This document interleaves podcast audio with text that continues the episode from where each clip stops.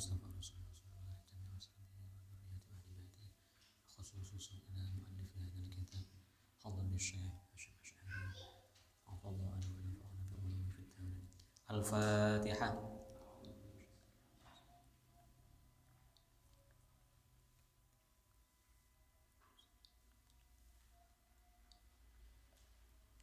بسم الله الرحمن الرحيم. Bismillahirrahmanirrahim. Alhamdulillahirabbil alamin wa bihi nasta'inu ala umuri dunya waddin. Wassalatu wassalamu ala asyrafil anbiya'i wal mursalin sayyidina maulana Muhammadin wa ala alihi wa sahbihi ajma'in. Amma ba'd. Melanjutkan halaman 37 sekarang. 37. Faslun utawi iki fasal fi auladihi ing dalem mertelakaken pira-pira putrane kanjeng Nabi alaihi salatu wassalam Asal menjelaskan tentang putra putri Nabi Shallallahu Alaihi Wasallam. Wa ba'da an tazawwaja lan ing dalem sause yen to garwa. Rasulullah sallallahu alaihi wasallam? Khadijah Khadijah ing Sayyidah Khadijah. Razaqahu paring rezeki ing Kanjeng Nabi sapa Allah taala minha saking Khadijah auladan ing pira-pira putra. Wahum utawi aulad iku Al Qasim, Sayyid Qasim wa Abdullah wa Ibrahim wa Zainab wa Ruqayyah wa Ummu Kulthum wa Fatimah. Setelah Nabi Muhammad Shallallahu Alaihi Wasallam mempersunting atau memperistri Sayyidah Khadijah, Allah Subhanahu Wa Taala memberikan beliau rezeki putra putri, ya. Sayyid Qasim, Sayyid Abdullah, Sayyid Ibrahim, Sayyidah Zainab, Sayyidah Ruqayyah, Sayyidah Ummi Kulthum, Sayyidah Fatimah. Tujuh tujuh putra putri beliau dari uh, apa istri Khadijah wa awwalu utawi awale wong wulida kang dan lahiraken lahu kedue Kanjeng Nabi sallallahu alaihi wasallam iku Al Qasimu Sayyid Qasim. Wulida dan lahiraken sapa Al Qasim qablan nubuwati ing dalem sadurunge kautuse dadi nabi. Wa lan kelawan Al Qasim yukna dan jenengi kinayah. Uh, sinten? Kunyah kok kinayah? Yukna dan jenengi kunyah sinten kanjeng nabi? Apal qasim maksudnya waktu fialan dan sedani utawa wafat sopo Sayyid Qasim wa huwa hale utawi Qasim iku ibnu Sintaini umur rong tahun Putra pertama Nabi Shallallahu Alaihi Wasallam adalah Sayyid Qasim. Beliau dilahirkan sebelum Nabi diangkat menjadi Nabi dan Rasul. Dan dari Qasim inilah Nabi memiliki alam kunyah atau namanya Abul Qasim ya Abul Qasim kemudian Said Qasim ini belum genap berumur 2 tahun sudah diambil oleh Allah sudah wafat. Thumma Zainabu mengkonuli Zainab Sayyidah Zainab ini putri kedua. Iku akbaru banatihi paling tuone putri ini kanjeng Nabi Sallallahu Alaihi Wasallam. Ulidat dan lahirakan sinten Zainab? Sanata salasin yang dalam tahun telung puluh min maulidi saking kelahirannya Rasul. Wa adrokat lan nemu sapa Zainab al islama ing Islam wa hajarat lan hijrah sapa Zainab wa matat lan sedo sapa Zainab sanata samanin ing dalam tahun wolu minal hijrati saking hijrah. Ing da sedone ing da zaujiha ing dalam sandingi e, bojone Zainab. Wa ibni khalatiha lan putrane bibine Zainab. Abil As rupani Abil As Lakit ibni Rabi' ini e, sepupunya Zainab Ibni Kholah itu sepupu dari jalur bibi jalur ibu. Ya. Wakana lan ono sapa Zainab iku hajarot. Hijrah sapa Zainab qablau ing dalem sadurunge zauj uh, watarokat hulan tinggal sapa Zainab ing zauj ala syirkihi krana syirike zauj fa aslama mongko nuli manjing Islam sapa zauj faraddaha mongko nolak ing Zainab sapa Nabi sallallahu alaihi wasallam bin nikahil awal kelawan nikah kang awal. Wakilalan dan ucapaken binikahin kelawan nikah jadidin kang anyar. Wawaladat lan uh, apa melahiraken sapa Zainab lahu kedua zauj Abil Asmang Aliyan ing Sayyid Ali. Mata hale seto sapa Ali sohiron hale cilik Summa walatan mongko nuli nglahiraken Zainab lahu kedua zauj Umamah ing Umamah wa tazawwaja lan wa tazawwaja lan garwa ing Zainab sapa Ali Sayyidina Ali radhiyallahu anhu ba'da mauti Fatimah ing dalam sause sedane Sayyidah Fatimah radhiyallahu anha.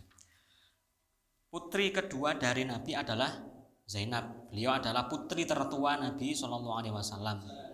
Zainab dilahirkan pada tahun ke-30 kenabian. Eh, tahun ke-30 dari kelahiran Rasulullah. Berarti Rasulullah berumur 30 tahun memiliki putri bernama Zainab. Zainab ini juga masuk Islam adrokat al-Islam ya. Lalu hijrah, hijrah dari Mekah ke Madinah. Kemudian Zainab ini seto atau e, wafat pada tahun ke-8 Hijriah. Ya, Tamanen minal Hijriah. Sedonya wafatnya di di apa? Ketika bersuamikan seseorang yaitu Abdul As Lakin bin Robi yang mana Abdul As ini termasuk saudaranya sendiri sepupunya Zainab dari jalur ibu anaknya bibi dari ibu. Kemudian Zainab hijrah sebelumnya bersama oh, Zainab hijrah sebelum menikah itu dengan meninggalkan suaminya karena suaminya masih musyrik. Ya. Kemudian eh, suami Zainab masuk Islam, namun Nabi Muhammad SAW menolak pernikahan yang pertama. Ada yang mengatakan menolak pernikahan yang kedua karena si is, apa suaminya dari Sayyidah Zainab ini masih dalam kondisi musyrik ditolak oleh kanjeng Nabi. Tapi e, pada akhirnya masuk Islam ya. Jadi penolakan perkawinan itu ketika masih dalam kondisi belum masuk Islam. Ketika sudah masuk Islam ya diterima oleh kanjeng Nabi.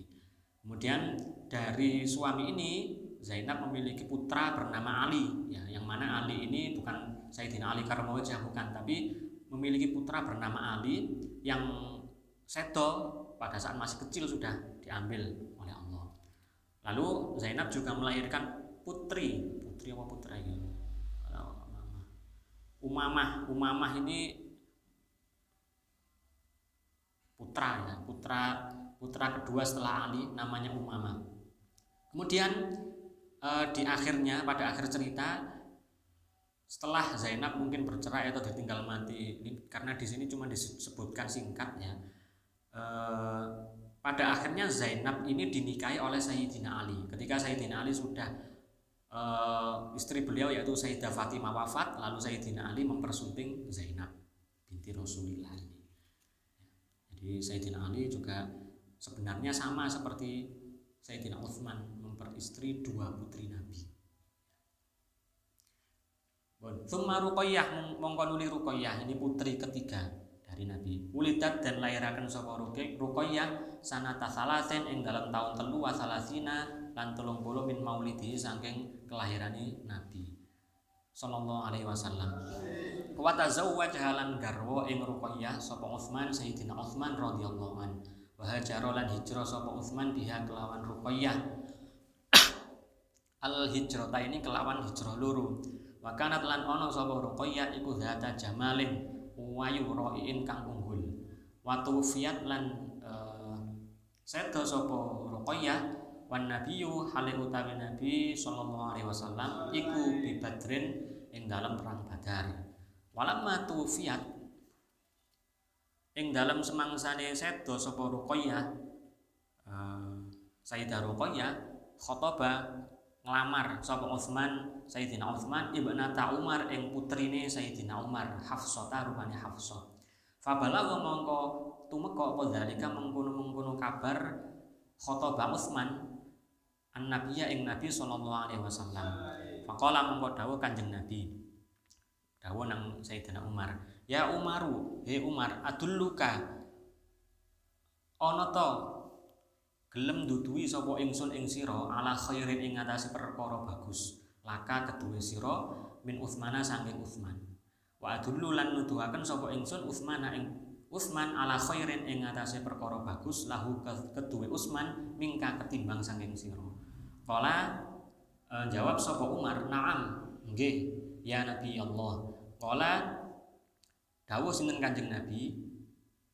Tuzawijuni ibnatak tuzawijuni ngrabekno sapa sira? Ing ingsun ibnataka ing putri sira. Wa uzawiju lan ngrabekno sapa ingsun? Usmana ing Usman ibnati ing anak wadon ingsun. Akhirnya fazawwajahu mongko ngrabiaken sinten Kanjeng Nabi? Ing Utsman Umma Kulsumin ing Sayyidah Ummi Kulsum. Nah, ini cerita uh, Sayyidina Utsman ber, berjuluk atau bergelar Zunnurain karena mempersunting dua putri Nabi. Ya, jadi dimulai dari kelahiran Sayyidah Ruqayyah. Ini putri ketiga Rasul yang dilahirkan pada saat Kanjeng Nabi berumur 33 tahun. Berarti selisih tiga tahun dengan yang kedua tadi yaitu Sayyidah Zainab ya. ini adiknya Sayyidah Zainab Rukoyah ini Sayyidah Rukoyah diperistri oleh Utsman dan sempat hijrah dua kali dengan Sayyidina Utsman nah, Sayyidina apa Sayyidah Rukoyah ini termasuk putri Nabi yang sangat cantik ya. namun pada satu ketika beliau wafat ya, Rukoyah wafat pada saat kanjeng Nabi perang Badar. Ketika wafat itu, ya Ruqayyah wafat, Sayyidina Utsman melamar melamar putrinya Sayyidina Umar yaitu Hafsah. Nah, kalau laki-laki kan kalau idah ya. Wong wedok mari tinggal mati bojone ya gak oleh langsung dilamar. Lek wong lanang kan ya wong lanang. Yes. Sama siji durung. Ya ini ceritanya Sayyidah, Sayyidina Utsman ketika ditinggal wafat oleh Ruqayyah pada saat itu kanjeng Nabi saat perang Badar. Ya. Ketika perang Badar, Sayyidina Utsman e, ditinggal sedo istri yang, yang pertama yaitu Ruqayyah menghendaki melamar putrinya Sayyidina Umar yang bernama Hafsah. Kabar ini sampai pada kanjeng Nabi Shallallahu Alaihi Wasallam. Lalu kanjeng Nabi memanggil Sayyidina Umar, wahai Umar, apakah engkau mau aku beri petunjuk kebaikan bagimu daripada kamu menerima lamaran Usman sebagai menantumu. Dan aku akan menunjukkan Usman atas kebaikan daripada melamar anakmu. Sayyidina Umar menjawab, "Nggih, Rasulullah." Olah akhirnya Nabi Muhammad me, apa? berkata seperti ini pada Sayyidina Umar, "Usman, nikahkanlah anakmu Hafsah denganku." Jangan dinikahkan dengan Usman ya, tapi nikahkan denganku. Lalu aku akan menikahkan anakku yang bernama Ummu Kulsum dengan Usma ijol-ijolan. Nah, itu. Jadi kanjeng Nabi itu tapi ketika melamar e, perempuan menikahi perempuan bukan karena kecantikannya bukan karena apa-apa tapi ada ada misi tersendiri ya. Bukan karena nafsu, bukan karena apa-apa. Nanti disebutkan di sini istri Nabi dari beberapa istri itu yang perawan cuma satu yaitu Sayyidah Aisyah. Ya kan? Eh, karena nafsu yang boleh sing perawan-perawan toh semua ayu tapi karena ada misi salah satunya yang kemarin diceritakan menikahi putri dari pemimpin suku ya. sehingga ketika setelah dinikahi suku tersebut mengakui ke Islam apa memasuk masuk ke dalam agama Islam dan membantu dakwah Nabi yang sebelumnya suku itu memusuhi Nabi dengan keras tapi karena putri pimpinannya dilamar dinikahi oleh kanjeng Nabi sehingga suku itu mau membantu Nabi. Itu tujuan apa? Kanjeng Nabi melamar atau menikahi perempuan-perempuan itu bukan karena nafsu. Singkat cerita akhirnya Sayyidina Utsman menikahi putri Nabi yang bernama Ummu Kulsum. Pada akhirnya Sayyidina Utsman ini me, diperjuluk ini memiliki dua cahaya karena menikahi dua eh, dua putri Nabi. Sebenarnya Sayyidina Ali juga sama kan tadi itu. Setelah menikahi Fatimah, Fatimah sedo kemudian menikahi Sayyidah Zainab. Tapi yang berjuluk Nurain adalah yang terkenal adalah Sayyidina Utsman. Oh, itu tadi putri ketiga Rukoyah. Sekarang putri keempat Suma Ummu Kulsum monggo nuli Ummu Kulsum. Iku allati utawi Ummu Kulsum iku allati wadon tazawwajaha kang garwa ing allati sapa Utsman radhiyallahu anhu. Maka lan ono apa tazawwujuhu garwani Sayyidina Utsman biha kelawan Ummu Kulsum eh sanata salasin ing dalem tahun telu minal hijrati saking hijrah Nabi. Tahun ketiga Hijriah wa matat lan sedo sapa Ummu Kulsum sanata tiskin ing dalem tahun songo songo Hijriah wa jalasan lenggah sinten Rasulullah sallallahu alaihi wasallam ala qabriha ing atase kubure kuburane Ummu Kulsum wa ainahu hale utawi uh, meripat loro ning Kanjeng Nabi iku tazrufani mili elo menangis menet, menet, apa meneteskan air mata Putri keempat Nabi adalah Ummu Kulthum yang dinikahi oleh Sayyidina Utsman tadi. Beliau menikah dengan Ummu Kulthum tahun ketiga Hijriah. Namun Ummu Kulthum wafat pada tahun 9 Hijriah, hanya e, 6 tahun ya. Ketika Ummu Kulthum seto, Rasulullah sangat bersedih sampai-sampai beliau e, duduk di atas kuburan, di atas makam Ummu Kulthum dan meneteskan air mata. Pun itu putri keempat sekarang putri kelima summa Fatimah mengkonduli Fatimah iku ulidat dan lahirakan sama Fatimah bulan nubuwati yang dalam saat turungi kenabian di khamsin kelawan lima apa di sini nabi piro tahun Sayyidah Fatimah dilahirkan lima tahun sebelum diangkat menjadi nabi ya. Wakil alan dan ucapakan bang dan nubuwati yang dalam sakwuse e, dan angkat dari nabi bisa natin kelawan setahun.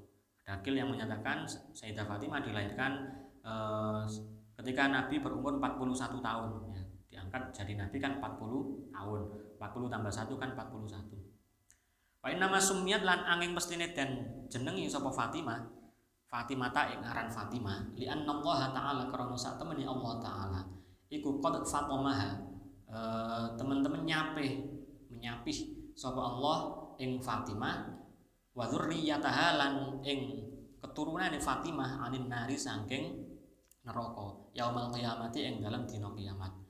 Wa sumiat lan den arani sapa Fatimah butulan ing aran uh, butul. Nah ini apa artine lali kata delok ling kita iha krana pedote Fatimah an nisa zamaniha saking wadon zamani wadon sak zamani Fatimah fadlan apa maneh?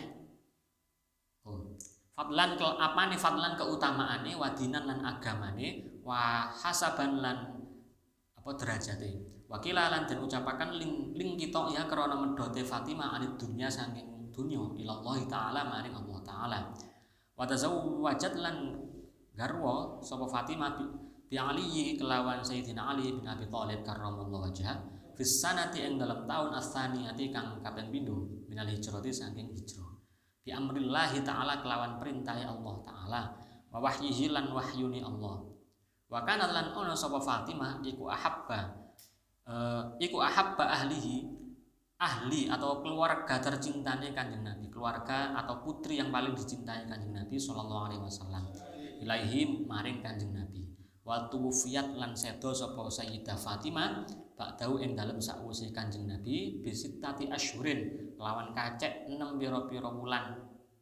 Lailatas Sulasaa ing dalem Lailatas Sulasai ing dalem wengi malam Selasa li salasin kedua telu kholauna kang liwat apa salas min syahri Ramadan saking bulan Ramadan. Sanata ihdai asyrota ing dalam tahun 11 wa waladat lan nglahiraken sapa Fatimah li aliyin kedua Sayyidina Ali maksudnya bersama Sayyidina Ali Hasanan ing Sayyid Hasan thumma Husainan nuli Sayyid Husain. Thumma Muhsinan sebenarnya Sayyid Sayyidina Husain itu memiliki adik bernama Muhsin ya Famata tapi famata mongko nulis seto sapa Said Muhsin sapa Muhsinan Muhsin sohiron hali cili. Thumma uh, Thumma Umma Kulsum mongko nuli ing Ummu Kulsum. Jadi ini putra putri Sayyidina Ali dengan Sayyid Sayyidah Fatimah ya. Mongko nuli Ummu Kulsum thumma Zainab mongko nuli Zainab. Walam yakun lan ora ono iku li Rasulillah kedue Rasulullah sallallahu alaihi wasallam uh, apa akibun keturunan? Ilam ini mbok natihi kejaba saking putrine Kanjeng Nabi rupane Fatimah Sayyidah Fatimah radhiyallahu anha. Fang tasyara mongko dadi tersebar apa nasluhu keturunane Kanjeng Nabi asyarifu kang mulya minha saking Fatimah. Min jihatis sibqa ini saking arah putu loro. Al Hasani rupane Sayyid Hasan wal Husaini lan Sayyid Husain fakot hale bloko Putri Kanjeng Nabi yang berikutnya adalah Sayyidah Fatimah. Beliau dilahirkan lima tahun sebelum Kanjeng Nabi diangkat menjadi Nabi dan Rasul. Berarti ketika Nabi berumur 35 tahun. Ya. Tapi menurut Kil ada apa? Kaul yang lain, Sayyidah Fatimah dilahirkan satu tahun setelah Nabi diangkat menjadi Rasul. Berarti umur 41 tahun. Sayyidah Fatimah dinamai Fatimah. Ya, ini karena Fatimah itu fa Fatoma, aslinya Fatoma. Karena Allah Ta'ala telah e, menyapih. Menyapih itu berarti memisahkan ya. arek bayi disapih teko mbokne berarti dipisahkan dari menyusu ibunya ya Sayyidah Fatimah dan seluruh keturunan keturunannya disapih Allah dari neraka maksudnya dipisahkan dari neraka jahanam nanti di hari kiamat ada juga e, nama lain Sayyidah Fatimah yaitu butulan lingkitoiha an nisa'i zamannya karena berbedanya Sayyidah Fatimah dibandingkan perempuan pada zaman itu dari segi keutamaan, dari segi agama dan dari segi derajatnya. Sayyidah Fatimah sangat unggul dalam tiga aspek tadi itu. Ya. Wakilah ada kil yang lain butulan ini karena lingkito ya anit dunia karena Sayyidah Fatimah ini sangat menjauhi perkara-perkara duniawi. Ya, lebih memilih Allah Ta'ala dibandingkan perkara-perkara duniawi. Ya, mungkin karena inilah sampai kanjeng Nabi sangat mencintai putrinya yang bernama Fatimah ini. Nah, singkat cerita kemudian eh, ini yang sangat berpengaruh di sejarah ya. Watazawwajat bi aliyin. Beliau Sayyidah Fatimah dinikahkan dengan Sayyidina Ali bin Abi Thalib karramallahu wajhah pada tahun kedua Hijriah dengan perintah Allah dan wahyu Allah. Yang memerintahkan untuk menikahkan Fatimah dengan Sayyidina Ali adalah Allah bukan dari Nabi sendiri tapi wahyu dari Allah Wakanat ahabba ahli Fatimah ini adalah putri tercinta Rasulullah Shallallahu Alaihi Wasallam. Sayyidah Fatimah wafat pada uh, wafatnya setelah kanjeng Nabi wafat, berarti berselang 16 bulan ya. Bisitati asyur 6 bulan, 6 bulan setelah kanjeng Nabi wafat, 6 bulan berikutnya Sayyidah Fatimah wafat pada malam Selasa 3 Ramadan tahun 11 Hijriah. Ya. Awaladat aliyan, kemudian keturunan Sayyidah Fatimah dengan Sayyidina Ali itu yang pertama Sayyid Hasan, Sayyid Husain, kemudian Sayyid Muhsin ini putra yang ketiga yang namun Sayyid Muhsin ini sudah diambil Allah wafat pada saat masih kecil Thumma Ummu Kulthum kemudian memiliki adik yang bernama Ummu Kulthum dan Zainab lima. Sebenarnya Sayyidina Ali dan Fatimah memiliki lima putra. Ya, lima tiga putra dan dua putri. Namun yang e, masih hidup sampai menikah dan beranak keturunan itu hanya dari jalur Sayyidina Hasan dan Husain. Kanjeng Nabi memiliki anak yang sejumlah berapa tadi? Sembilan atau berapa ya tadi ya? Sembilan ya tapi masih disebutkan sampai Fatimah itu nama lima tadi sama hitung dewi pola anak keturunan kanjeng Nabi nah, zuriahnya kanjeng Nabi itu anak kandung beliau ada beberapa ya ada sembilan. Tapi yang memiliki cucu maksudnya yang meneruskan keturunan hanya dari jalur Sayyidah Fatimah. Selain Sayyidah Fatimah tidak memiliki keturunan. Fangtasyaro Naslu Asyarif kemudian Eh, zuriyah kanjeng Nabi yang mulia itu hanya ter apa tercabang dari dua sis dari dua cucu beliau yaitu Sayyidina Hasan dan Sayyidina Husain. Ya, sampai sekarang habaib habaib itu pasti kalau tidak dari jalur Sayyid Sayyid Hasan pasti dari jalur Sayyid Husain. Thumma fil Islam mengkono dalam Islam Sopo Abdullah Sayyid Abdullah. Wulida dan lahirakan Sopo Abdullah di Makkah yang dalam Makkah. Pamatalan seto Sopo Abdullah biha yang dalam Makkah Sohiron uh, Hale Wayu samalan dan jenengi Dan arani Sopo Abdullah At-Tayyiba ing At-Tayyib Wa Tahira lan At-Tahir. Ya nau krono saat temani Abdullah Iku wulida dan lahirakan Sopo Abdullah Ba'dan nubuwati yang dalam sa'use kenabian. Putra berikutnya yaitu Abdullah bin Muhammad ya putranya Nabi Muhammad. Beliau dilahirkan di Mekah dan Seto di, juga di Mekah saat masih kecil. Beliau berjuluk At-Tayyib dan At-Tahir karena beliau Sayyid Abdullah ini dilahirkan setelah kenabian. Thumma Ibrahim mongko nuli Sayyid Ibrahim ulida dan lahirakan sapa Ibrahim bil Madinati ing dalam Madinah fi Dzulhijjah ing dalam bulan Dzulhijjah. Sanata samanin ing dalam tahun 8 minal hijrati saking hijriah saking hijrah kanjeng Nabi Amatalan seto sapa Sayyid Ibrahim biha ing dalem Madinah sanata asyara ing dalem uh, tahun 10 10 Hijriah. Wa huwa hale utawi Ibrahim iku ibna sab'ata asyara umur pitulas apane syahron wulane au samaniyata asyara utawa 18 wulan. Wa sallalan nyolati sapa Kanjeng Nabi alaihi ing atas Ibrahim. Wa dufina lan den makamaken sapa Sayyid Ibrahim bil baqi ing dalem tanah baqi kuburan baqi Lalu putra Nabi yang berikutnya adalah Sayyid Ibrahim. Beliau di dilahirkan di Madinah ta, apa, pada bulan Zulhijjah tahun 8 Hijriah. Ya. Beliau juga seto saat masih kecil ya, umur 17 bulan atau ada yang mengatakan 18 bulan sudah diambil oleh Allah. Rasulullah langsung yang mensolati beliau dan beliau dimakamkan di pekuburan Baqi. Wa kulluhum utawi sekabehane putrane Nabi Auladur Rasul iku min Khadijah saking jalur Sayyidah Khadijah berarti putra Nabi dengan Sayyidah Khadijah radhiyallahu anha. Illa Ibrahim kejaba Sayyid Ibrahim. Fa innahu krana sak temene Sayyid Ibrahim iku min Mariatil Qibtiyah saking Mariatul Qibtiyah. Wa kulluhum utawi sakabehane auladur rasul iku tawaffau sedo sapa kullu qablahu ing dalem sadurunge Kanjeng Nabi sallallahu alaihi wasallam illa Fatimah kejaba Sayyidah Fatimah radhiyallahu anha.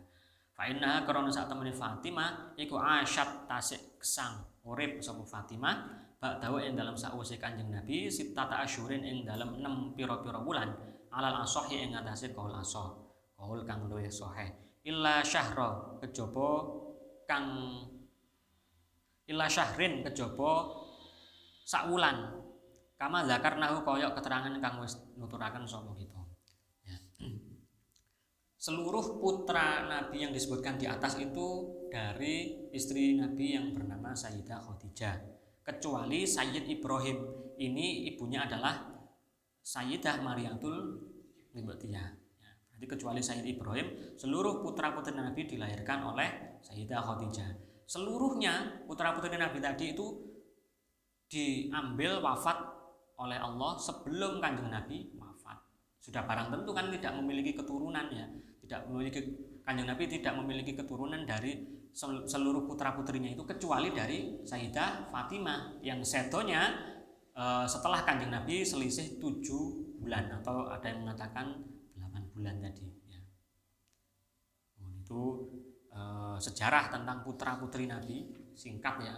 Kalau ingin me, apa, mempelajari lebih jauh ya maka sama harus mempelajari kitab siroh siroh nabawiyah Faslun utawi ikilah fasal fi a'mamihi ing dalam piro-piro pamane Kanjeng Nabi. Wa ammatihi lan piro-piro bibine Kanjeng Nabi alaihi salatu wassalam. Fasal menjelaskan tentang paman dan bibi Nabi. Kalau amun itu sebenarnya dari jalur ayah ya, paman dari ayah. Kalau paman dari ibu sebenarnya uh, kholun, kholun dan kholatun, kholatun bibi dari ibu. Tapi di sini yang dibahas cuman amun dan ammatun. A'mamuhu utai piro-piro pamane Kanjeng Nabi sallallahu alaihi wasallam. Iku ahad asyara ana 11 ahaduhum utawi salah sijine ahad asyar iku al harith wa huwa utawi al harith iku akbaru auladi Abdul Muthalib putra paling tuweke putra tertuanya Sayyid Abdul Muthalib mbah Kanjeng Nabi berarti Pak Dene Kanjeng Nabi Haris ini Pak Dene yang paling tua wabihi lan kelawan Haris yukna dan kunyai sopo Abdul Muthalib. Abdul Muthalib ini dikunyai dengan Abal Haris julukan pada waktu itu.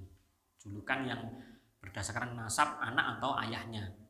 Eh, dari anaknya berarti Abdul Haris. Kalau dari ayahnya berarti ayahnya Abdul Muthalib itu siapa? Tapi yang terkenal Abdul Haris. Kalau kanjeng Nabi Abdul Mosim. Putra kedua Kusam wa Zubair wa Hamzah wal Abbas wa Abu Talib wa Abu Lahab wa Abdul Ka'bah wa Hajlu wa Hajlun bihain. Hajlun ini putra terakhir. Oh belum belum. Hajlun ini putra keberapa ini? E, sembilan ya. Hajlun ini bacanya dengan hak bihain kelawan hak muhmalatin kan suwung saking titik. Ya berarti hak leono titik berarti kan jim atau kha maftuhatan hae dan fathah. Thumma jimin mongko jim sakinatin kang dan sukun. Haj, hajlin hajlun. Wadirorun wal aidak. Ya. ini putranya Abdul Muthalib atau paman pamannya Nabi dari jalur ayah. Wazadalan nambahi sapa ba'duhum? Sebagian ulama al awama ing pak awam.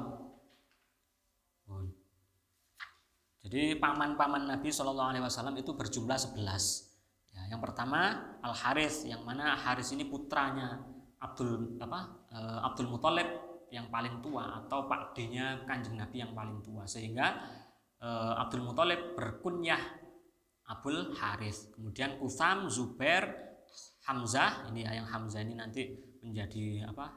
E, berperan penting dalam dakwah Nabi. Abbas, kemudian Abu Talib, Abu Lahab, Abu Lahab ini diabadikan dalam Al-Qur'an.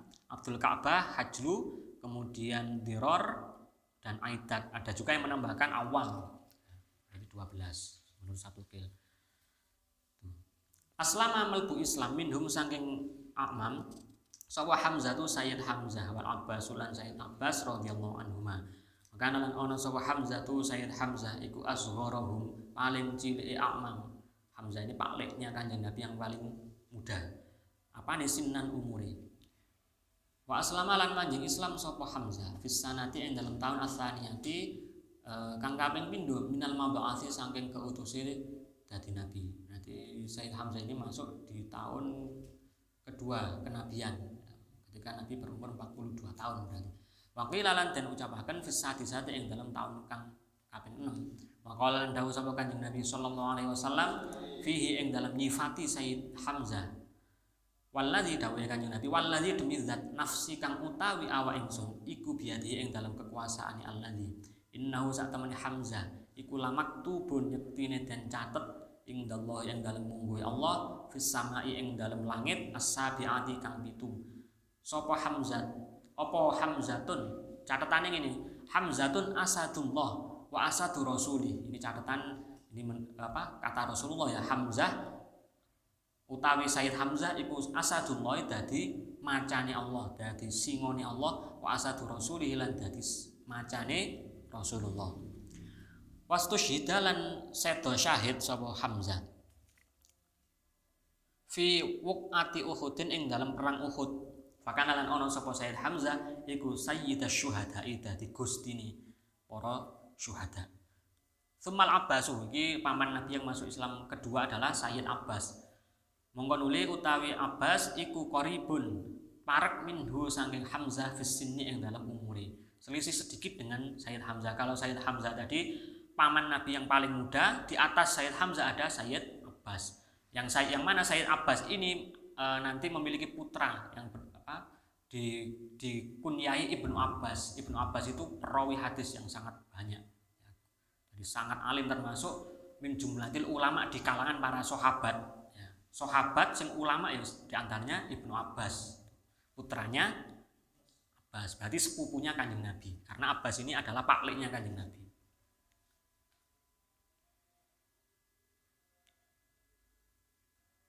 wa huwa utawi Abbas iku alladzi wong yali kang uh, nguasani sapa uh, alladzi zamzam ing zamzam ba'da abi ing dalam sawise uh, bapake Abbas Abdul Ab, Abdul Muthalib rupane Abdul Muthalib maka lan ono sapa Abbas iku akbaro luwih tuwa apane sinan umure min Rasulillah ketimbang Rasulullah sallallahu alaihi wasallam di salah sisinina kelawan telu pira-pira tahun. Jadi paman Nabi yang kedua yang masuk Islam adalah Sayyid Abbas. Beliau umurnya hanya selisih sedikit dengan Sayyid Hamzah. Kemudian beliau di apa diamanati untuk me, istilahnya bukan menguasai ya tapi me, mengurusi kemaslahatan sumur Zam-Zam setelah Abdul Muthalib karena suku Quraisy itu Bani Abdul Muthalib ini termasuk bani yang disegani di kalangan suku Quraisy sehingga sumur Zam-Zam kemaslahatannya di, diurus oleh Abdul Muthalib. Nah, ketika Abdul Muthalib wafat, urusan umur Zam-Zam diserahkan kepada Abbas. Nah, ternyata Sayyid Abbas ini yang jadi pamannya Kanjeng Nabi, selisih umurnya dengan Kanjeng Nabi cuma tiga tahun, ya lebih tua Sayyid Abbas. Pun wa amma amma tuhu anapun utawi bibine Kanjeng Nabi sallallahu alaihi wasallam iku fasitun ana 6. Wa ya utawi situn iku Sofiyah Ummu Zubair. Uh, Sofiyah kang dadi ibune Zubair bin Awam. Wa Atika lan Atika wa, wa Barroh lan Barroh wa Arwa lan Sayyidah Arwa wa Umaymah lan Umaymah wa Ummu Hakim al-Baydha. Aslamat manjing Islam min hunna saking Ahmad sapa Sofiyah Sayyidah Sofiyah radhiyallahu anha. Waktu falan dan persulayakan opo fi islami atikah dadi islami Sayyidah Atikah. Wasohahalan nyohihaken sapa ba'dhum sebagian ulama Islam arwah ing islame Sayyidah Arwah. Sedangkan bibi Nabi dari jalur ayah itu ada enam. Yang pertama adalah Sofiyah. Sofiyah ini adalah ibu Zubair bin Awam. Zubair bin Awam termasuk sahabat yang eh, sangat setia kepada Nabi. Nah, ternyata ibunya Zubair bin Awam adalah bibi Nabi sendiri. Berarti Zubair bin, bin Awam adalah sepupunya kanjeng Nabi dari jalur Lalu Atikah, Barroh, Arwah, Umaymah, dan Ummu Hakim al-Baidha. Dari keenam bibi Nabi ini yang masuk Islam adalah Sofiyah yang ini sudah diijmai para ulama Sofiyah Ummu Zubair bin Awam ini yang masuk Islam. Tapi eh, Sayyidah Atikah ini masih diperselisihkan beliau sudah masuk Islam atau tidak oleh para ulama berselisih pendapat. Namun Islamnya Sayyidah Arwah ini disohihkan oleh sebagian uh, ulama Sayyidah Arwah bibinya Nabi. Oh itu tentang pasal tentang paman dan bibinya Nabi dari jalur ayah. Faslun utawi ikilah fasal fi azwajihi ing dalam piro-piro garwani kanjeng Nabi sallallahu alaihi wasallam. Qala dawu sapa Qatadah Imam Qatadah radhiyallahu anhu tazawwaja garwa sapa an-nabiyyu sallallahu alaihi wasallam khamsa asyrata ing 15 apane imro'atan wadone. Wa dakhalalan e, manjing bi salasa asyrata kelawan telulas. Wa jama'alan ngumpuli. Jima sapa kanjeng Nabi baina ihda asyrata ing dalam antarane 11 11 e, istri tadi. Wa tuwfiya dan sedan lan sedo sapa kanjeng Nabi angtis in tinggal saking wong songo jadi menurut Imam Qatada radhiyallahu an, Kanjeng Nabi Shallallahu alaihi wasallam itu menyunting memperistri 15 perempuan. Ya. Wa dakhala bi Kanjeng Nabi dakhala duhul yang ke-13, yang kedua tidak diduhul oleh Kanjeng Nabi. Wa jama'a baina ihda dan Kanjeng Nabi mengumpulkan maksudnya mengumpulkan itu Ya, ya, selain menjima tapi mengumpulkan berarti 11 istri ini bareng bersamaan dengan kanjeng Nabi masanya bareng berbarengan. Jadi pada satu waktu pernah kanjeng Nabi sampai istri jumlah istrinya itu ada 11 menurut maksudnya. Ya, dari 15 tadi. Waktu via dari 11 tadi kanjeng Nabi ketika wafat meninggalkan 9 istri. Berarti yang sisanya sudah mendahului kanjeng Nabi itu. Ini nanti ada dirinci secara uh, global ya tapi tidak sangat rinci karena ini bukan kitab khusus tentang siroh hanya mengenalkan tentang istri-istri Nabi supaya kita lebih paham betul dengan sosok kanjeng Nabi yang seharusnya kita cintai. Karena ini kan kitab untuk bagaimana cara kita mencintai Nabi. Wa awal azwaji anapun utawi awale garwane kanjeng Nabi sallallahu alaihi wasallam iku Khadijah Sayyidah Khadijah bintu Khuwailid putrine saya Khuwailid al-Quraisyah tazawwaja garwa sapa Kanjeng Nabi qabla nubuwati yang dalam saat durunge dadi nabi. Walahalan iku kedue Khadijah arbauna utai petang puluh apane sanatan taune. Walam yatazawwaj lan orang garwa sapa Kanjeng Nabi alaiha ing atase Khadijah hatta matat sehingga sedo sapa Khadijah. Wa ya utai Khadijah iku allati wadon wa hu kang nulungi sapa Allah ing Kanjeng Nabi ala nubuwati ing atase kenabian. Wajahadat lan berjihad berjuang sapa allati ma'ahu sertane Kanjeng Nabi. Wawasat hulan nulungi sapa allati to Khadijah ing Kanjeng Nabi binafsiha kelawan awak dhewe Khadijah. Wa maliha lan bondone Khadijah. Wa matat lan sedo sapa Khadijah qabla hijrati ing dalam saat hijrahe Nabi. Bisalasin kelawan kacak telu apane sinina taune Istri pertama Nabi adalah Sayyidah Khadijah. Beliau adalah putri dari Pak atau Sayyid Khuwailid Al-Quraisyah. Saat Nabi memperistri Sayyidah Khadijah, Nabi berumur kemarin 25 tahun. Sedangkan Khadijah sendiri berumur 40 tahun. Selisih 15 tahun. Nah, nanti zaman kalau mencari istri juga boleh seperti itu. Ya. Yatazawwad, namun e, ketika Nabi beristri Khadijah, beliau sangat mencintai Khadijah. Ya. Padahal jumlah istri Nabi ini ada 15. Tapi ketika beristrikan Khadijah, beliau tidak menikah lagi. Baru ketika Sayyidah Khadijah seto hatta matat, beliau kanjeng Nabi menikah. Ya. Karena ini uh, Khadijah ini sangat berperan dalam dakwah kenabian di masa-masa awal. Di masa-masa yang paling sulit itu kan masa-masa awal kanjeng Nabi berdakwah. Mulai dari dakwah secara sembunyi-sembunyi, dakwah secara terang-terangan, ini semua disupport, didukung oleh Sayyidah Khadijah. Beliau Sayyidah Khadijah men menjadikan diri beliau menjadi tameng dakwah Nabi.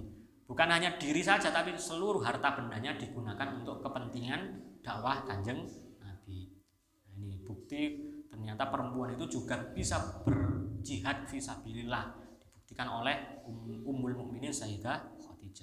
Jadi yang bisa berjihad itu bukan orang laki-laki saja. Ya. Memang kalau orang laki-laki kalau apa biasanya jihadnya dengan otot langsung ke medan perang, tapi orang perempuan itu andai kata tidak mampu ikut berperang dan tidak mempunyai skill ya maka membantunya dengan apa yang dia bisa. Contohnya dengan Sayyidah Khadijah ini membantu dengan harta benda, totalitas ya, membantu kanjeng Nabi dalam berdakwah. Sehingga karena itulah Nabi sangat mencintai beliau Sayyidah Khadijah. Istri yang paling dicintai oleh beliau sebelum nanti memperistri Sayyidah Aisyah. Thumma tazawwaja mongko nuli e, garwa sapa kanjeng Nabi ba'da mautiha ing dalam sawise sedane Khadijah bi ayamin kacek pira-pira dina. Garwa saudata ing Sayyidah Saudah binta Zum'ah al-Quraisyiyah putrane Zum'ah wa ya utawi Saudah iku allati wahabat kang aweh yaumaha ing dina gilirane Saudah li Aisyah maring Sayyidah Aisyah. Istri kedua Nabi setelah Khadijah wafat adalah Saudah binti Zum'ah al-Quraisyiyah nah Saudah ini sering e, memberikan jatah giliran beliau kepada Sayyidah Aisyah. Jadi kalau e, apa dalam syariat Islam itu kan digilir. Kalau orang laki-laki memiliki istri lebih dari satu maka harus digilir maksudnya bergantian nginep deh wedok singgi istri pertama istri kedua. Nggak boleh karena saking mencintai satu istri dia hari nginep di istri yang muda saja yang istri tua tidak pernah digilir lah itu. Tapi Sayyidah Saudah ini sangat rela hati ketika waktu gilirannya itu sering kali diberikan pada Sayyidah Aisyah. Karena sering kali Saudah ini memperhatikan bahwa Rasulullah sangat menyayangi Sayyidah Aisyah. Bentuk pengorbanan Sayyidah Saudah. Mari ngono summa Aisyah ta mengko nuli garwa sapa Kanjeng Nabi ing Aisyah. As-Siddiqah kang banget temeni.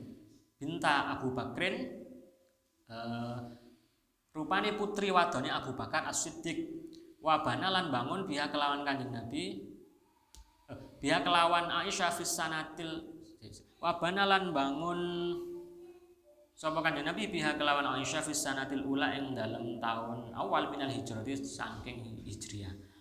Uh, wakanat lan ono sapa Aisyah iku afqaha luweh. Iku afqaha nisa'i luweh pintere luweh ngertine garwane kanjeng Nabi bidinillahi kelawan agamane Allah.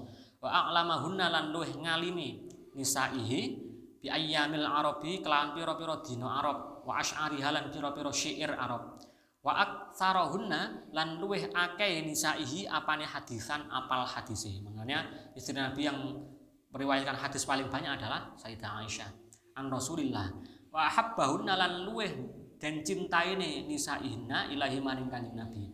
Hatta idza hawiyat sehingga ing dalam nalikane demen hawa hawiyat ini berasal dari kata hawa keinginan. Sehingga ing dalam nalikane ingin mempunyai hasrat sapa Aisyah syai'an ing suwiji-wiji tabah mongko nurut utawa manut sapa Kanjeng Nabi ing Aisyah alaihi ing atase syekh maka telan ono sapa Aisyah iku marja'a kathirin nggon baline perkara akeh minas sahabati saking sahabat fil fatwa ing dalam fatwa. Lalu istri Nabi yang ke berapa empat ya? Satu dua tiga empat. Adalah Sayyidah Aisyah, putri dari Abu Bakar As-Siddiq. Beliau Sayyidah Aisyah ini e, sangat cerdas sehingga melebihi kecerdasan seluruh istri Nabi yang lain dalam masalah agama Islam. Kemudian beliau juga paling alim tentang hari-hari atau kalender Arab, hari-harinya orang Arab dan paling mengerti tentang syair bangsa Arab. Ya. Paling cerdas dalam segi linguistik Wa aktsaruhunna hadisan dan paling banyak meriwayatkan hadis dari Rasulullah dibanding istri-istri yang. Sehingga sam, uh, Rasulullah sangat mencintai Sayyidah Aisyah ini. Sampai-sampai ketika Sayyidah Aisyah menghendaki atau ingin sesuatu maka Rasulullah juga ikut dengan keinginan Sayyidah Aisyah itu. Ya ikut pokoknya manut. Maksudnya mengikuti keinginan Sayyidah Aisyah. Karena kanjeng Nabi yakin bahwa keinginan Sayyidah Aisyah itu pasti positif. Nggak pernah menginginkan sesuatu yang negatif itu nggak pernah.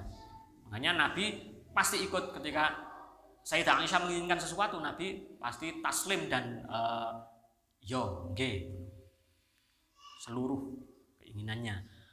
Wakanat beliau Sayyidah Aisyah juga menjadi rujukan banyak sahabat tentang fatwa. Karena pendamping setia Rasulullah selama 24 jam. Banyak para sahabat yang alim-alim itu kalah dengan Sayyidah Aisyah meskipun misalkan dalam segi kecerdasan lebih cerdas dibanding Sayyidah Aisyah. Tapi dalam segi meriwayatkan hadis ya sumber yang paling dekat dengan Nabi siapa kalau bukan istrinya. Ya, mendampingi di hari-hari keseharian 24 jam bahkan sahabat lain ya nggak bisa. Thumma Hafsah mongko nulis Sayyidah Hafsah binti Umar bin Al-Khattab. Ini tadi yang Hafsah ini yang sebelumnya akan dinikahi Sayyidina Utsman ya. Tapi ternyata mungkin Allah memberikan wahyu kepada Nabi, wes Hafsah nikah wae. Utsman cek menikahi putrimu sing jenenge Ummi Kulsum. Akhirnya Hafsah ini dinikahi oleh Kanjeng Nabi sendiri ya. Berarti Umar bin Khattab ini termasuk mertua Kanjeng Wa zakar lan nutur sapa Abu Dawud annahu sak temene Kanjeng Nabi eh iku tolakoha mentolak sinten Kanjeng Nabi ing eh, Hafsah. Tatliqatan kelawan tolak siji. Thumma raja'aha mengko rujuk sapa Kanjeng Nabi ing Hafsah. Hina nuzila ing dalam semangsani den turunaken alaihi ing atase Kanjeng Nabi apa al wahyu wahyu? Wahyune rupane roji Hafsata. Rujuka sapa sira Muhammad Hafsah ta ing Hafsah. Fa innaha monggo krana sak temene Hafsah iku sawamatun wadon kang akeh posone qawamatun tur kang akeh salate wa innaha lan sak temene Hafsah iku zaujatuka bojo sira bojo wadon sira fil jannati ing dalem swarga. Ini Sayyidah Hafsah ya. Beliau adalah putri Umar bin Khattab yang eh, diceritakan sebelum ini aslinya akan dinikahi oleh Sayyidina Utsman.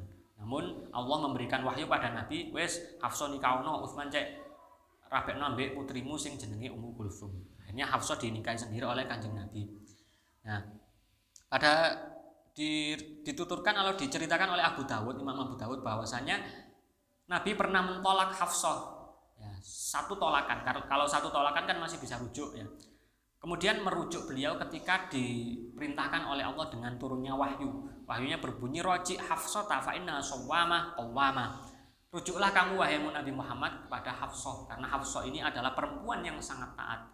Perempuan yang banyak sekali berpuasa, perempuan yang banyak sekali melakukan sholat malam ya.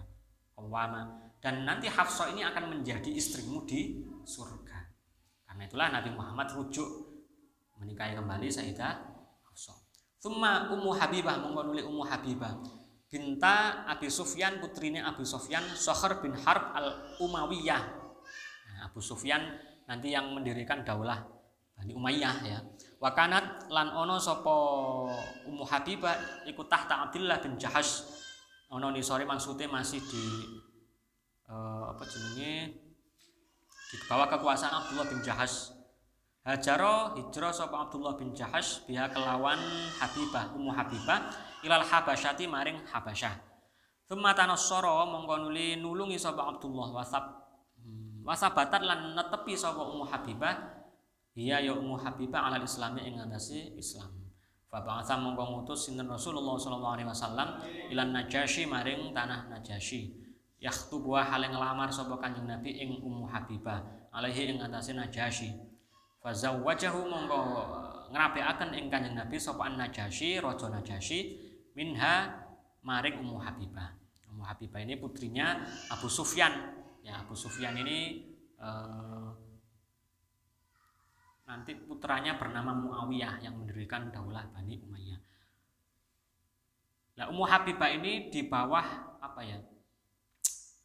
Tahta Abdullah ini ini tahta ini maksudnya apa budaknya apa apa saya tidak paham ini Yang jelas di sini intinya si siapa Abdullah bin Jahas ini hijrah dengan Ummu Habibah ke Habasyah. Kemungkinan ini adalah tapi tidak ada kalimat mentolak nanti di sini. Terus pokok antara Abdullah dan Ummu Habibah ini mungkin berhubungan tuan dengan budaknya atau bagaimana nanti di, diteliti lagi sejarahnya ini karena tidak begitu jelas.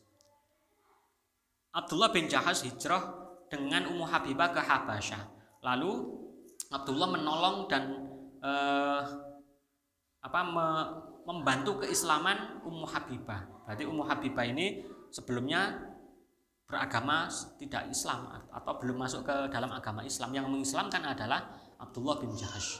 Lalu kemudian Rasulullah mengutus Raja Najasyi e, untuk me, melamarkan Ummu Habibah pada Nabi. Akhirnya Raja Najasyi me, me, menikahkan Nabi dengan Ummu Habibah. Jadi yang menikahkan Nabi dengan Ummu Habibah adalah Raja Najasyi. Wa Ummu Salamah lan Ummu Salamah Hindun rupani Hindun bintu Abi Umayyah al-Makhzumiyah. Wa kana lan ono sapa Ummu Salamah qablau ing dalem sadurunge Kanjeng Nabi sallallahu alaihi wasallam iku tahta Abi Salamah bin Abdul Asad.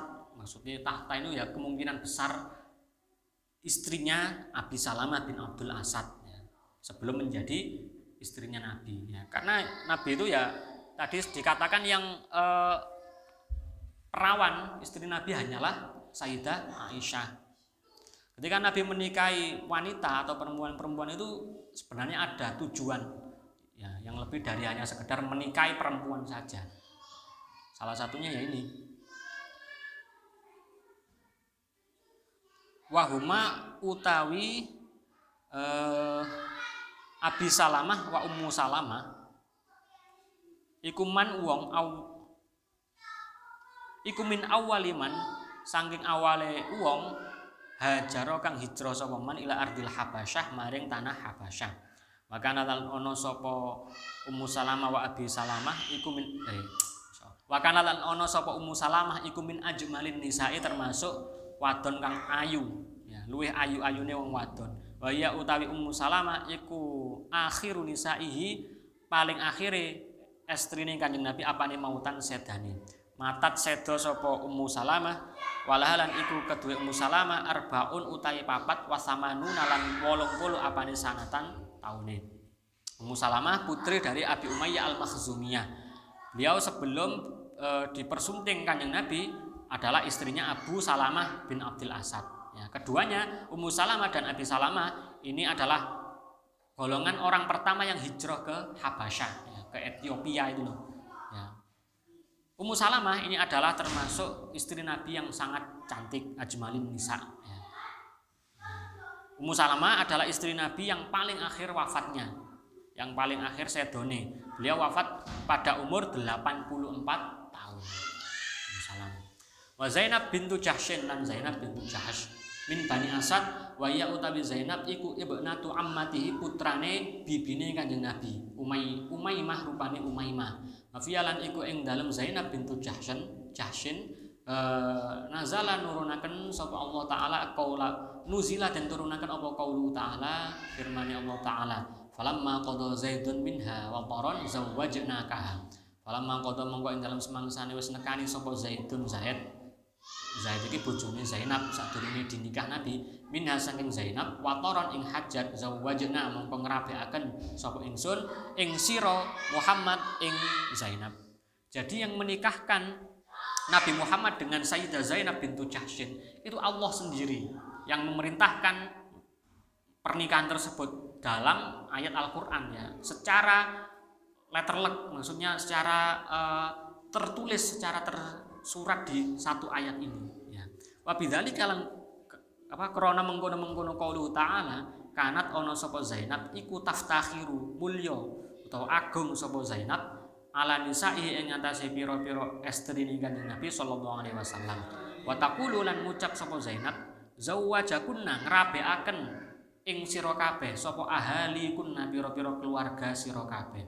Tapi wazau wajani lan ngrabekaken ing ingsun sapa Allah Allah min fauqi sab'i samawat saking dhuwure langit pitu.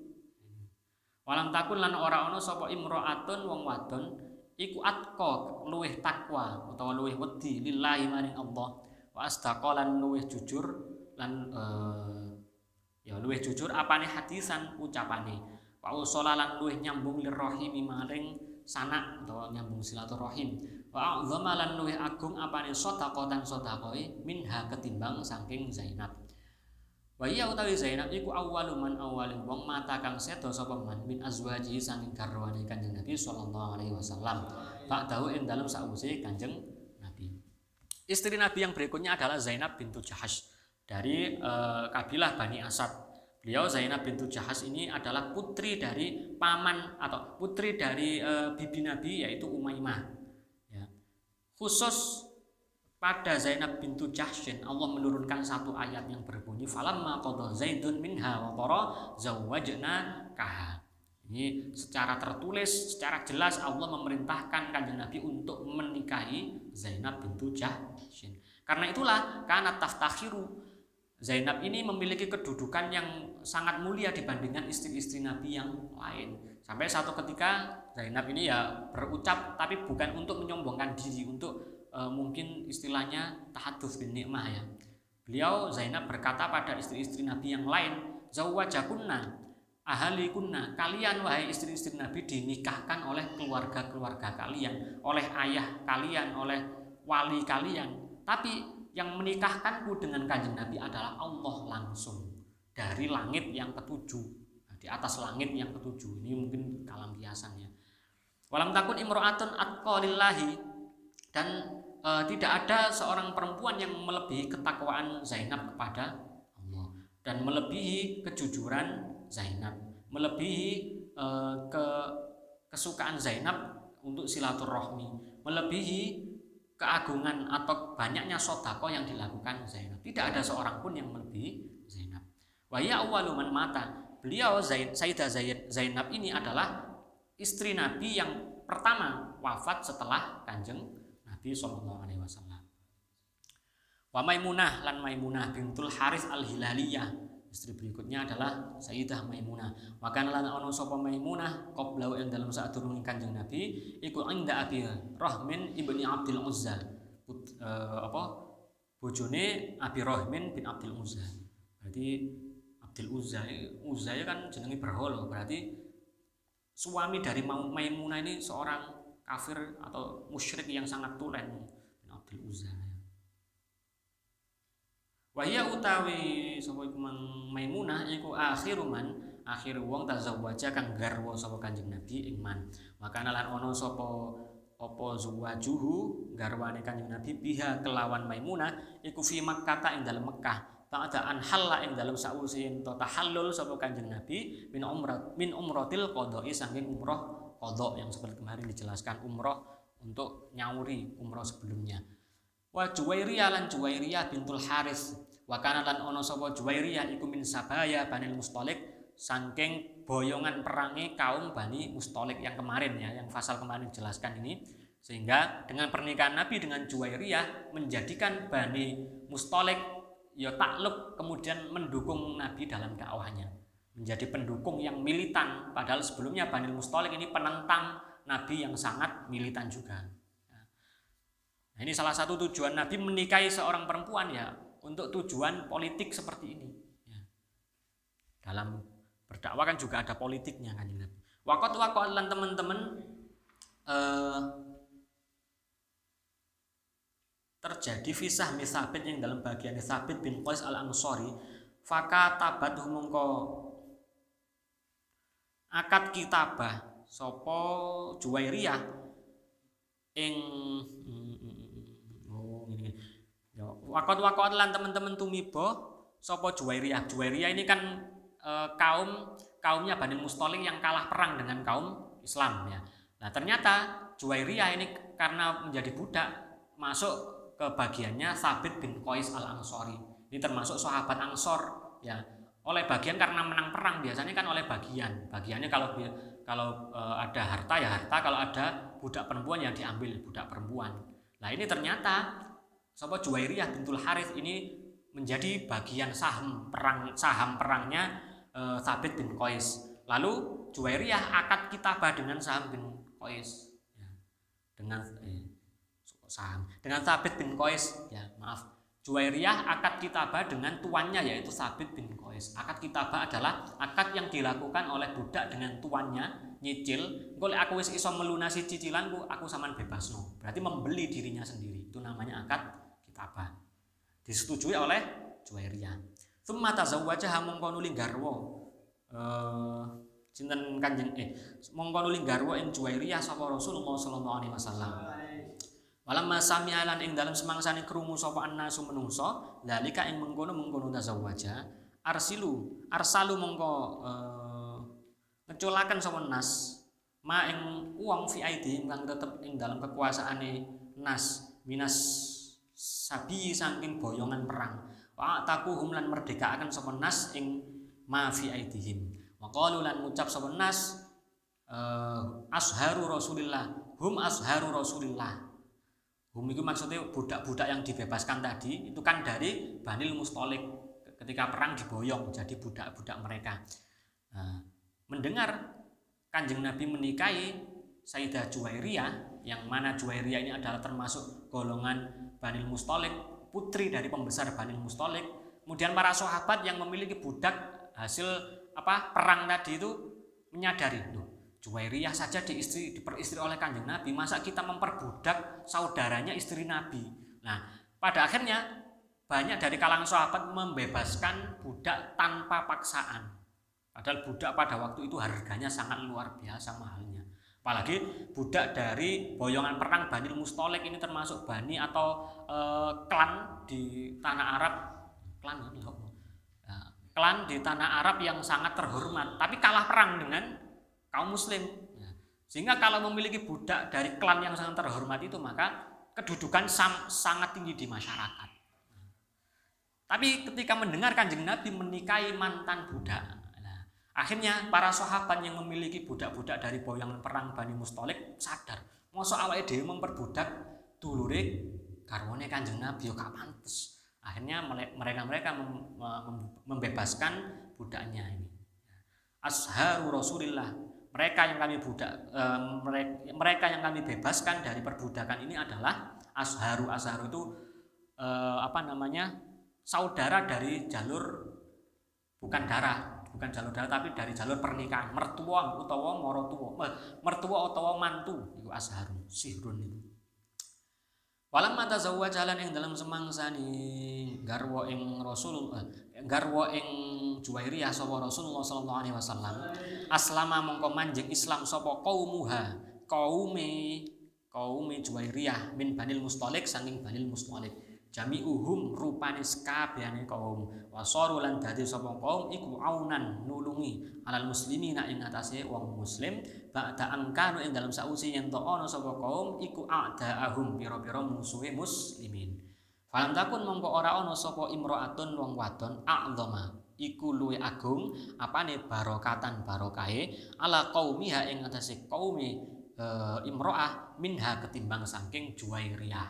Nah, jadi salah satu pernikahan kanjeng Nabi yang sangat bersejarah itu dengan Juwairiyah dengan menikahi Juwairiyah ada dua tujuan Islam yang sangat besar. Ya. Yang pertama adalah menghapuskan perbudakan tanpa paksaan. Ya.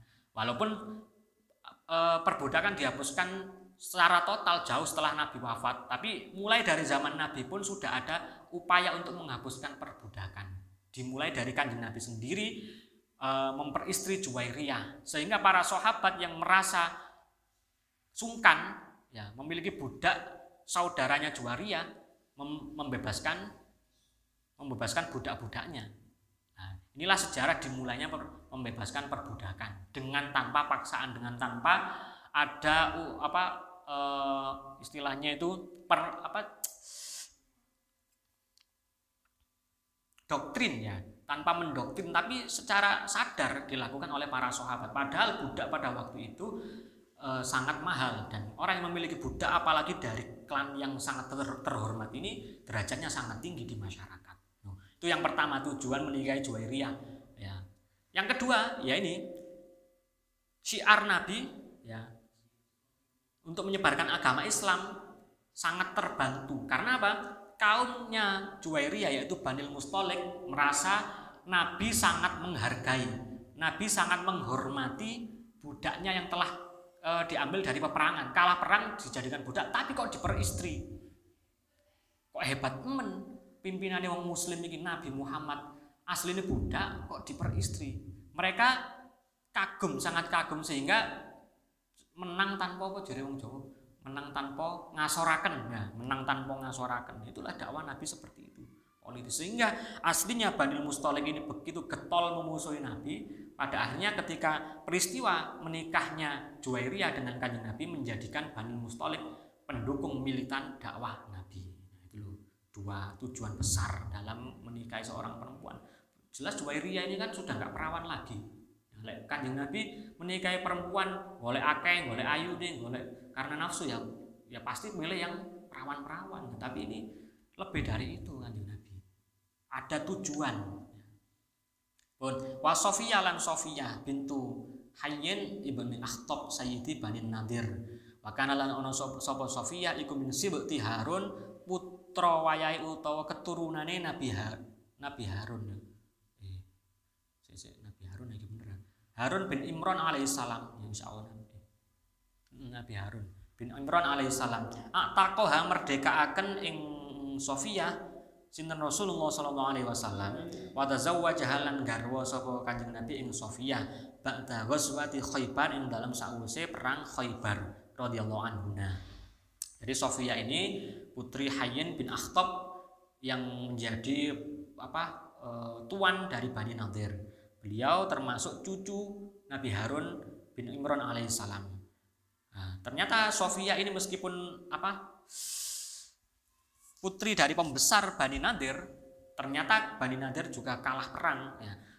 E, Sofia ini jadi budak, kemudian dimerdekakan oleh Rasulullah SAW, lalu dipersunting oleh Rasulullah. Ini juga e, salah satu upaya Rasulullah untuk mulai menghapuskan perbudakan. Ya. Kenapa Islam datang kok tidak langsung perbudakan diharamkan. Semua yang punya budak harus dibebaskan. Nggak bisa langsung. Syariat Islam itu nggak bisa langsung. Sama seperti syariat Homer. Pada waktu itu orang Arab kan minum Homer itu sport ambil wong Jawa ngombe teh ngono ya. Ketika langsung diharamkan maka ya mana mau mereka masuk Islam. Ya, pengharamannya secara bertahap. Sama seperti perbudakan menghapuskan yang nggak langsung secara total dihapuskan nggak bisa. Tapi perlahan dengan contoh yang eh, diteladankan oleh Rasulullah contoh yang sangat baik ini. Dan ini adalah penghapusan perbudakan dengan cara yang sangat menurut saya sangat elegan. Dicontohkan Rasulullah. Fa'ula utis'u mongko utai mengkono mengkono wong songo ba'da Khadijah ta ing dalam sausi Khadijah. Iku tuwfiat wafat sapa haula utis'u. Ante maaf iku tawaffa sedo anhunna sang ninggal saking haula sapa Rasulullah sallallahu alaihi wasallam. Walam yatazawwaj lan orang orang garwa sapa Kanjeng Nabi fi hayati Khadijah ta ing dalem mongso gesangi Khadijah radhiyallahu anha. Garwa ghayruha ing saliyane Khadijah. Wala tazawwaj lan orang garwa sapa Kanjeng Nabi bikron ing perawan ghairu Aisyah ta kang saliyane Sayyidah Aisyah radhiyallahu anha. Dakaro nutur sapa ba'dhum sebagian ulama annahu saat temani kanjeng Nabi sallallahu alaihi wasallam iku tazawwaja garwa sapa kanjeng Nabi Zainab ing Zainab bin Khuzaimah bin Al Harith Al Qaisiyah bin Bani Hilal bin Amir. Wa tuwfiyat lan dan sedani utawa wafat sapa Zainab ba'da dhammihi ing dalam sakwise ngumpulaken kanjeng Nabi ngumpuline kanjeng Nabi laha maring Zainab bi ini kelawan rong wulan wa kana lan ono iku lahu keduwe Kanjeng Nabi sallallahu alaihi wasallam sapa sariyatani budak amat luru. Sariyah ini budak yang diboyong dari menang perang ya Sariyah. Maria rupane Maria bintu Syamun al-Qibtiyah. Nah ini Mariatul Qibtiyah yang nanti mempunyai anak bernama Sayyid Ibrahim. Wa iya utai Mariatul Qibtiyah iku ummu Ibrahim, ibu Sayyid Ibrahim. Wa Raihana lan Raihana bintu Syamun al-Quradiyah aslamat manjing Islam sama Raihana thumma taqaha mongko nuli e, Kanjeng Nabi ing Raihana falahikot mongko ketemu sapa Raihana di ahliha kelawan keluargane Raihana kesembilan istri tadi setelah Khadijah wafat ya. jadi Nabi Muhammad mempersunting seluruh istri beliau menunggu ya bukan menunggu terjadinya setelah Sayyidah Khadijah wafat Jadi ketika Sayyidah Khadijah masih kesang, masih hidup, beliau hanya beristri satu yaitu Sayyidah Khadijah. Walata wajah bikron. Nah, kanjeng Nabi juga tidak pernah mempersunting perempuan yang masih perawan kecuali Sayyidah Aisyah hanya satu saja. Yang belum pernah bersuami hanya Sayyidah Aisyah. Yang lain semuanya sudah pernah bersuami. Ya. Ada sebagian ulama yang menyatakan ada tambahan istri Nabi ya di samping yang sembilan tadi yaitu Zainab bin Khuzaimah al qaisiyah ini menurut sebagian ulama ya. Kemudian Zainab ini seto setelah e, berkumpul dengan Nabi hanya hitungan dua bulan. Maksudnya per, umur pernikahannya hanya sekitar dua bulan kemudian Zainab ini seto. Ya. lalu kan Nabi dua, juga memiliki dua budak perempuan yang mana Sariyah tidak disebut istri karena ini budak ya istilahnya amat ya kalau dalam kitab fikih itu amat ya. yang pertama adalah Maria al yang dari Mariatul Qibtiyah ini kanjeng Nabi memiliki putra yang bernama Sayyid Ibrahim tadi yang juga disebutkan sudah sedo di uh, umur tidak sampai dua tahun. Waroyhana istri eh, bukan istri. Budak amat beliau yang kedua yaitu Royhana Saroyah. Saroyah beliau yang kedua adalah Royhana binti Syamun al Quraidah Beliau menjadi budak kemudian e, di masuk Islam lalu dimerdekakan oleh Kanjeng Nabi. Setelah dimerdekakan si siapa Royhana ini dibebaskan oleh Kanjeng Nabi untuk menemui keluarganya kembali, kembali ke kampung halaman. Itu sejarah tentang istri-istri Nabi. Insya Allah banyak yang bisa kita ambil manfaatnya dari sejarah meskipun hanya secara singkat di sini. Allah alam